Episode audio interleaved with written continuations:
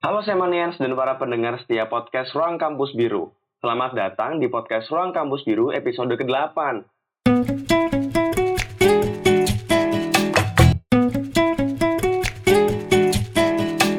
Gimana nih perasaan dan kabarnya setelah melewati UAS online yang terakhir kalinya nih? Semoga ya. Semoga makin bahagia karena semester depan kita bakal ketemu di kampus kita tercinta nih teman-teman. Bener banget. Jadi episode kali ini kita akan ngobrol-ngobrol seputar kehidupan kita yang udah mulai berat kan ya. Uh, bentar lagi kan udah mau kuliah offline nih walaupun lagi libur. Terus udah mulai banyak juga nih kegiatan-kegiatan offline, padahal sebelumnya kita ngapa-ngapain tuh online. Nah, kali ini kita akan membahas gimana sih perubahan kita setelah melewati masa pandemi yang begitu panjang menuju ke hari esok yang kayaknya udah akan lebih banyak kegiatan offline nih. Perubahan di sini tuh maksudnya perubahan apa tuh, Kak? Eh, eh, eh, sabar dulu dong guys. Sebelumnya kan kita belum kenal nih. Kita kenal dulu dong. Podcast kali ini ada siapa aja nih? Podcast kali ini ada aku, Huda. Aku seneng banget akhirnya bisa kebagian giliran lagi nih buat ngisi podcast Ruang Kampus Biru. Dan kebetulan dapat di episode ke-8 ini. Terus selanjutnya ada siapa lagi nih? Ada aku, Shiva, si paling tua nih di sini yang teman-teman pasti udah bosen banget dengerin aku. Terus ada aku juga Rani yang baru aja muncul di episode kemarin. Yups, dan ada aku Ilzam sebagai pendatang baru nih teman-teman. Ngomong-ngomong ya, nggak terkait perubahan-perubahan tadi, maksudnya tuh gimana sih teman-teman? Kayak gini loh Zam, kalau menurutku ya, ini yang aku alamin pribadi sih, aku jadi kadang itu males buat keluar rumah gitu, hanya untuk bertemu orang-orang. Karena aku ngerasa masih bisa dijangkau melalui telepon atau video call gitu. Padahal sebelumnya, sebelum pandemi ini, bisa dibilang aku hampir setiap hari butuh ketemu orang lain di luar rumah. Bahkan di saat liburan pun aku juga harus keluar rumah gitu kadang buat ketemu orang lain. Nah tapi kalau aku tanya ke teman-teman semua nih, kalian sebenarnya setuju nggak sih pandemi yang lama ini mengubah beberapa kebiasaan kalian gitu, misal kebersihan ataupun perilaku sosial kalian? Setuju sih, Ut. Kalau dari aku sendiri sih yang paling kerasa sih benar-benar itu sih, perubahan perilaku sosial sih. Uh, jadi karena aku dulu sih bisa bisa dibilang uh, orang yang ekstrovert gitulah. Jadi kayak cara healing itu ketika, ketika ketemu sama orang lain gitu. Dengan ketemu orang-orang, diskusi, ada teman ngobrol gitulah. Yang itu semua kayak aku merasa duniaku hidup gitu. Nah semenjak pandemi nih, aktivitas fisik dan kontak secara langsung dibatasin kan ya. Hal itu benar-benar ngerubah aku jadi kayak ngerasa sendiri, jadi kadang agak kurang percaya gitu deh. Karena aku salah satu orang yang mempercayai teori bahwa interaksi sosial secara daring tidak bisa menggantikan interaksi sosial atau pertemuan secara langsung. Namun lambat laun aku juga mulai bisa adaptasi sih dan bisa mulai memahami keadaan ini. Kayak dealing gitulah. Sehingga mau nggak mau aku harus dealing dengan ini semua sih. Jadi aku ngerasa sekarang udah jadi lebih baik sih. Uh, ya bisa dibilang jadi pribadi, pribadi yang lebih fleksibel gitu. Biasalah. Kayak online atau offline pun no problem gitu. Kalau dari aku sih lumayan ngerubah ya. Kayak contohnya dari segi fisik tuh udah jarang banget gitu waktu pandemi itu olahraga. Terus dari segi kebersihan jadi sering banget yang namanya tuh cuci tangan atau dikit-dikit nyapu gitu walaupun gak belum waktunya. Maksudnya uh, aku udah selesai nyapu nih terus keluar rumah sampai di rumah tuh sebenarnya tuh masih bersih uh, udah nggak perlu disapu lagi tapi rasanya tuh nggak tenang jadi kayak harus nyapu lagi gitu. Dan yang paling ngaruh tuh di sosialnya. Nah aku kadang-kadang tuh coba cek MBTI ku uh, selama pandemi tuh introvertnya tuh bener-bener naik gitu dibanding sebelumnya. Dan kalau keluar rumah tuh ketemu orang banyak tuh rasanya nggak tenang kayak pengen cepet-cepet udah gitu. Kayak lebih lebih gimana gitu ya Ran ya. Kalau aku sih ya yang notabene tuh dari dulu 50-50 gitu. Alias kalau aku tuh tes MBTI dari dulu tuh introvert extrovert tuh seimbang gitu loh kayak 4950, 5051. Nah, menurut aku sendiri aku tuh nggak merasa pandemi ini uh, menekan aku, mengubah aku gitu. Karena dari dulu kayaknya dari dulu pun aku keluar tuh juga kalau mood aja, kalau moodnya bagus, kalau momennya pas, kalau alasannya kuat, kalau enggak memenuhi hal-hal itu tuh aku lebih suka diem di kamar gitu. Jadi selama pandemi terus ada PPKM dan kawan-kawannya itu, aku tuh merasa enggak terlalu tertekan gitu kayak ya udah biasa aja hidupku juga selama ini kayak gini gitu. Cuman ya buat hal-hal lain emang agak berubah sih kayak aku tuh jadi lebih aware nih sama kesehatan aku dan keluargaku, orang-orang di sekitar aku gitu. Uh, misalkan ada yang pilek sedikit atau ada yang bau-bau mau sakit gitu, aku jadi lebih peka gitu.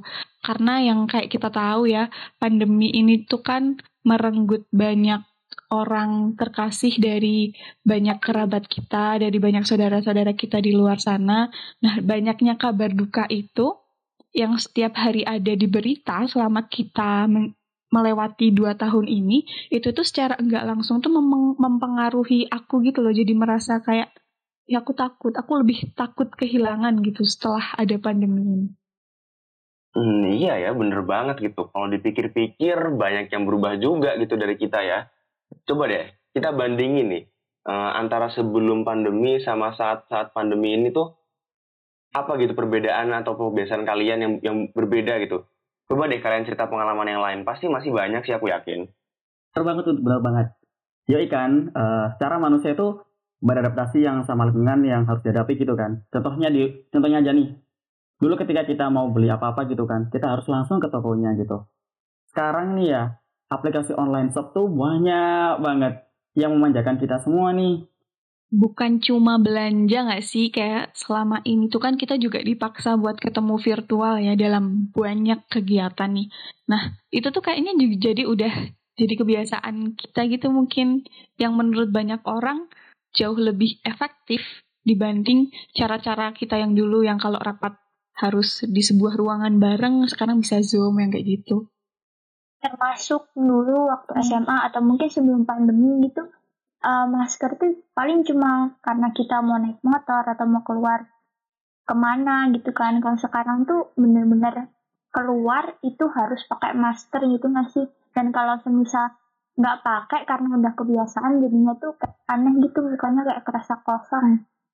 Iya benar. Kayak ada yang kurang kayak apa? Gimana? Kayak beda gitu rasanya ya Rania terus tapi kalian ngerasa nggak sih sebenarnya tuh uh, perbedaan-perbedaan perubahan-perubahan ini tuh jadi pemantik buat kita untuk berkembang buat perkembangan teknologi di di zaman ini yang wow wow gitu. Misalkan nih misalkan ada si A yang sangat jenius terus selama pandemi ini di pandemi ini tuh membuat dia paranoid gitu ketemu orang jadi dia karena dia sejenius itu dia ngide deh bikin robot buat melakukan banyak hal supaya dia nggak berinteraksi lagi dengan manusia. Jadi bisa kayak memantik solusi-solusi untuk perkembangan teknologi gitu loh. Nah terus ya aku juga pernah baca nih katanya tuh uh, mobil terbang juga bisa menjadi dampak dari uh, pandemi yang berkepanjangan ini gitu loh. Tapi ya uh, aku rasa kita masih jauh dari sana sih. Jadi kayak ya nggak apa-apa lah kita berimajinasi gitu tapi ya udah deh daripada makin ngalor ngidul nih ya teman-teman, mending kita bahas nih dampak-dampak dan tangan dan tantangan buat kehidupan kita ke depannya nih. Emang dari pandemi ini tuh jadi lebih canggih nggak sih? Kayak aku pernah nemu tuh di cafe yuk, kalau kita pesen tuh tinggal scan barcode dan uh, pesan menunya terus kita bayar pakai imani gitu. Jadi kan nggak perlu antri di kasir, nunggu menunya datang atau ke nulis gitu. Ya benar-benar benar itu benar banget sih Uh, selain itu ya, seperti kita tahu nih, pelayanan kesehatan secara online pun juga udah mulai diterima gitu oleh masyarakat. Seperti maraknya aplikasi telemedicine, kemudian penggunaan aplikasi nih yang digaungkan oleh pemerintah, peduli lindungi gitu kan. Ya untuk tracing penyebaran suatu penyakit gitu-gitu kan. Selain itu kan juga digunakan buat akses masuk ke ruang-ruang publik gitu kan. Tapi di balik uh, kemajuan-kemajuan yang tadi kita sebutin itu sebenarnya ada negatifnya nggak sih menurut kalian? Nah, aku mau jawab nih. Ini bukan menurut aku sih, aku lebih ke baca ya karena tadi kan sempat disinggung juga ya uh, tentang apa uh, penggunaan marketplace gitu buat kita online shopping. Nah, ternyata nih teman-teman ya kayak dampak negatif dari penggunaan marketplace untuk berbelanja online itu ternyata berpengaruh terhadap berpengaruh buruk terhadap lingkungan itu dan ini aku juga kaget sih bacanya karena sebagian besar pengiriman barang-barang dari online shop itu kayak dari uh, penjual ke pembeli itu menggunakan plastik sekali pakai dan para pembeli juga nggak bisa dikasih pilihan buat pakai packaging lain. Jadi kalau frekuensi pembelian online terambah, tambah banyak, otomatis limbah dari kegiatan ini akan bertambah baik juga dong. Setuju juga, Hud. Jadi ketika penggunaan uh, limbah plastik semakin banyak ya otomatis sampah juga bahkan bakal bertambah banyak juga sih. Selain itu juga ya di bidang pendidikan juga ada dampak buruknya juga sih. Seperti kita tahu ya teman-teman, sebelum pandemi kan pembelajaran kan dilaksanakan tatap muka ya. Jadi ketika pandemi mau nggak mau pendidikan dengan model seperti itu ditunda dulu teman-teman digantikan dengan pelaksanaan pembelajaran secara online. Nah hal itu memunculkan berbagai problem baru wah kayak misalnya semangat belajar turun karena kurang motivasi dari guru secara langsung atau dengan sama teman gitu kan. Selain itu, kondisi infrastruktur yang tidak merata tentunya mempengaruhi kualitas jaringan untuk melaksanakan PJJ. Jika hal ini terus berlanjut, maka akan berdampak pada turunnya capaian pembelajaran oleh siswa. Benar. Jadi emang menurut aku pribadi sih juga aku lebih semangat kalau belajarnya offline ya. Karena kalau online tuh lebih gampang tidur gitu doh. Itulah pokoknya lah ya. Rahasia itu. Oke, mungkin juga uh, yang seperti kita cerita tadi ya, pandemi ini tuh juga berdampak di perilaku sosial kita gitu deh. Kayak dari teman-teman tadi, beberapa jadi lebih males bersosialisasi, males berteman. Padahal tadinya tuh bukan tipe orang yang seperti itu gitu kan ya. Nah mungkin ini sih kak, kayak dari teman-teman gitu, kan kita kita udah mau mulai kuliah offline nih rencananya ya. Nah, bisa pemanasan dulu nih ngobrol sama temennya atau tetangganya. Biar nanti kalau ketemu orang secara langsung tuh kayak gak bingung gitu mau ngomong apa, mau ngapain. Karena mungkin yang awalnya tatap mukanya cuma di laptop itu nanti jadi tatap muka langsung nih sama orang. Nah, iya takutnya ini kan terlalu lama menatap laptop gitu jadinya uh, kaget gitu kalau ketemu orang baru gitu. Jadi ya jangan sampai lah kita kayak gitu ya teman-teman ya Nah, terus jadi mungkin banyak dari banyaknya dampak positif tadi gitu ya. Semoga teman-teman dan aku juga nih dan juga mendengarkan jadi lebih terpacu buat mengembangkan diri, mengikuti arus perkembangan dunia. Dan terus tadi ya kita berdoa nih semoga e-commerce e-commerce yang ada di dunia ini bisa menggunakan pengemasan produk gitu dengan bahan dasar yang lebih ramah lingkungan. Jadi belanja nyaman, bumi juga aman gitu.